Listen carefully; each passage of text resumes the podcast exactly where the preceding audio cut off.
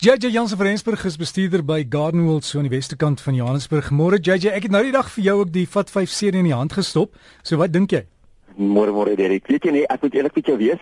Ek is maar 'n jonger kind, so jou laaste vat 5 het ongelooflike baie liedjies op wat ek eintlik nog herken van my kinders daar en selfs van die Here gedaai. Jy weet so, daar's so soveel wat ek eintlik saam kan geniet. So ek dink jou vat 5, jou heel nuutste is jou beste ene.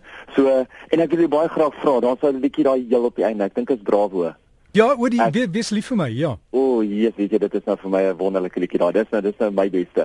Ek dink jy moet hom bietjie vir ons speel. Oh. As ek ah. net my vat 5 vir die dag kan kry. Okay, ek sal sommer net later speel. Jy jy meen dis een van daai liedjies wat jou en jou vrou baie nader aan mekaar laat beweeg. O, nee, nee definitief. Ja, nee, ja. dit is baie baie spesiaal. Baie baie geluk met hom. Ek dink dit gaan 'n topverkoper wees en vir die ouens wat hom nog nie het nie, ek dink regtig dit is nou die, die serie om hierdie jaar te kry. Dankie JJ.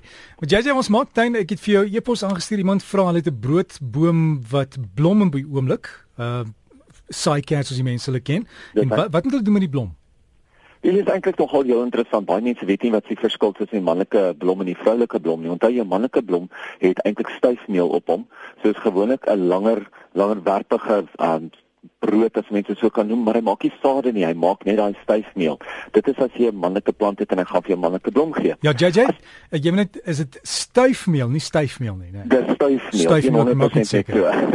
dit is daai poeier. So as jy teen hom gaan tik, dan sal jy sommer sien daai fyn geel poeier val sommer so teen jou vingers, dan weet jy nou, dit is die styfmeel.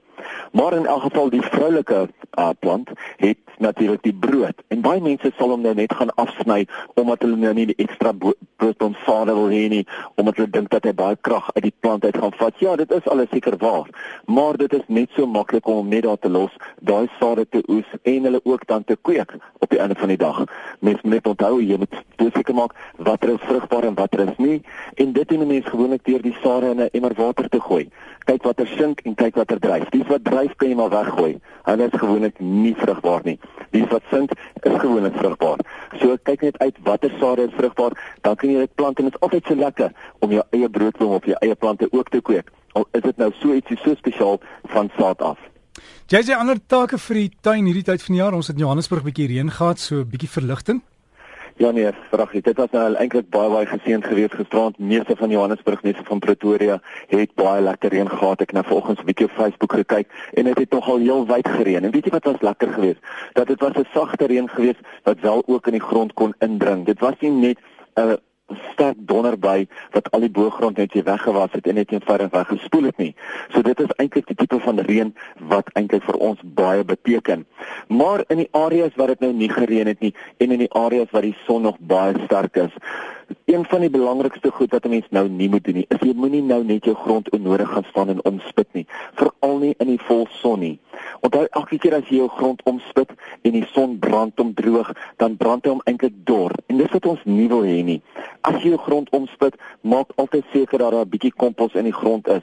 Maar jy kry so gereeld dat die mense net deurgaan en net hulle grond omspit om van die onkruid ontslae te raak en hom mooi skoon en vas laat lyk, maar dit is nie eintlik wat 'n mens moet doen nie. Jy moet probeer om eerder net daai onkruide uit te trek. Hou jou grond soos hy is en probeer om jou mikrobes op die regte vlakke te hou. Want onthou jou grondmikrobes vestig hulle self op verskillende vlakke in die grond. Nou as jy die hele tyd daai grondmikrobes gaan omdraai boontoe, gaan jy eintlik die mikrobes wat nie in die hitte wil wees nie, in die hitte sit en hulle gaan hulle self doodbrand.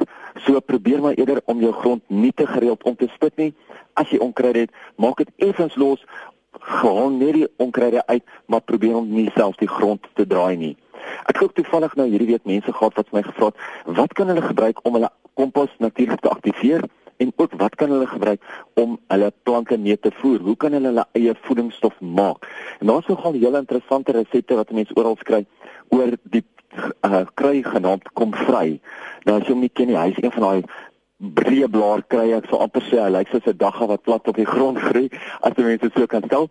Maar hy het 'n grysgroen blaar op hom en dit is nou die tipe van ding wat 'n mens in jou grond kan inwerk of in jou komposhoop kan inwerk wat die kompos kan aktiveer of as jy hom sou wou die blare vat en dit in water gooi, kan 'n mens eintlik jou eie natuurlike organiese bemestingsstof so trek en dan kan jy jou plante daarmee voer. Ek sien ook baie mense los hulle heininge nou dat hulle heininge net heeltemal wild groei. Nou praat ek van al jou verskillende heuningplante. En dis nou hierdie tyd van die jaar wat as 'n mens daai heuningplante net gaan los, gaan hulle eenvoudig heeltemal net uitlei na te uitbars. 'n Mens moet nou gaan en jy moet hulle gereeld terugsnoei sodat hy laer kan bos sodat hy 'n digter heining kan vorm. So moenie vergeet om dit gereeld te doen nie, want dan weet jy dat jou heinings gaan lekker dig word, veral nou gedurende die groei seisoen vrugte wat nou bietjie afgaan op die mense se bome. Ja, daar's nog steeds baie vrugte vlee in die ronde, maar net so is daar ook baie van hierdie perskes en appelkoos en so wat vrot word van fungusse. Mens moet net doodseker maak as jy mens jou boom behandel. Kyk net bietjie wat is dit wat jou boom affekteer. En as dit byvoorbeeld 'n vrot is, 'n bruin vrot is wat die wat die vrugte aanval, kry jy die regte fungusdoder. Ek weet Michael God is een van daai wat redelik omvattend is. Hy doen verskriklik baie fungus siektes. So gaan kyk bietjie uit, gaan gesels met jou naaste kwekery en hoor by hulle wat kan 'n mens insit, waarmee kan jy jou plante spuit teen daai bruin vrot. My laaste enetjie vir die dag is vir die mense wat se dahlias nou op die oomblik in blom is. Mens moet probeer om jou dahlias nie te veel te stit nie. Onthou, as mens jou dahlias stit, gaan hulle stamme nie baie sterk word nie. Ja, as jy mens daai groot gerryhoek daardie het, wat gewoonlik 'n baie sterk stam op hom het, maar as hy in effense skade weer staan, dan kan hy baie maklik omval. Hom kan 'n mens dan sit op hulle kan 'n mens sit as hulle in effense skade weer staan. Maar vir al jou laar dahlias, probeer hulle om om hulle nie te spit nie want anders gaan jy laat die koppe nie eintlik sterk word nie die stamme nie sterk word nie en dan gaan die ligte wyntjie hom eintlik baie maklik kan seermaak. Probeer eerder om hom net so te los en dan weet jy dat die son gaan hom lekker sterk maak. So gesels JJ Jansen van Rensburg van Garden World. Jy kan ook inligting kry op hulle webtuiste. Dis Garden World en seeopenzeta en daarvan af skakels na Facebook. Anders luister weer op RSG se potgooi hier teen Maandag, dan kan jy die inligting kry en sterkte met daai tuin, lekker tuin maak en al die dinge wat mense hierdie tyd van die jaar moet doen.